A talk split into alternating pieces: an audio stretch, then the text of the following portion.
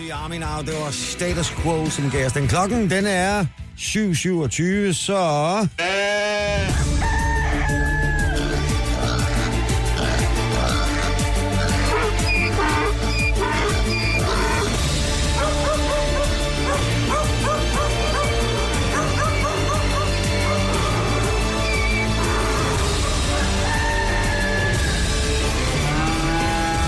Topstart på Pop FM. Nu dyre nyt. Præsenteret af Maxisu. Hvad skal der som minimum være i et pingvinanlæg i en zoologisk have? Vand. Pingviner, Nå ja. naturligvis. Men i den midtengelske by Telford er planerne om et nyt fancy pingvinanlæg lagt på is. Anlægget står ganske vist klart, men der er udbrudt pingvin-malaria, og derfor har den lille zoologiske have ikke fået leveret de seks Humboldt-pingviner. Heldigvis skal der mere til at slå sugedirektør Scott Adams ud, og derfor er anlægget i stedet blevet fyldt op med plastikpingviner af variabel beskaffenhed. Gæsterne i den zoologiske have er i ikke helt overbevist. Til lignende skulle en udstilling fra Madame Tussauds Voksmuseum har en gæst udtalt. Og figurerne ser da også lidt stive ud i betrækket. Den snarrådige souschef har derfor lagt en ny plan for at få lidt mere liv i kludene. Til jul skal personalet således klædes ud som pingviner. Det lyder faktisk som en attraktion i sig selv.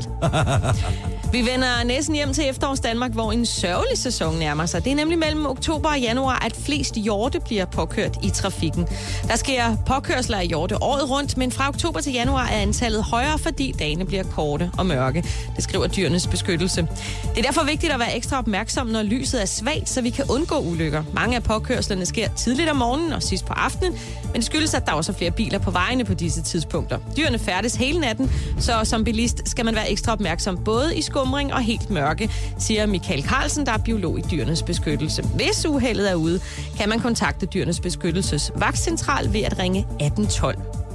Vi slutter under varmere himmelstrøg. Vi skal til Indien, hvor en abe forleden satte sig bag rattet på en 30-personers bus. En lille hulmand-abe kom ombord på bussen med en anden passager, men aben nægtede at slå sig ned andre steder end op foran hos chaufføren. Det havde han ikke noget imod, så da aben mødede sig ind for at overtage rattet, kunne chaufføren ikke se noget problem i det. Så aben fik lov til at styre bussen.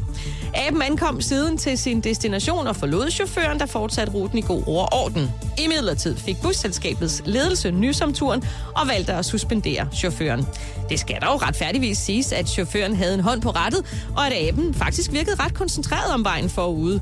Om den også havde styr på spejle og blink, melder historien ikke noget om.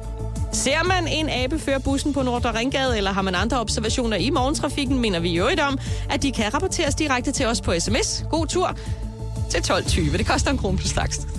Dyre nyt. Præsenteret af Maxisu. Kærlighed til kæledyr. Det her er Topstart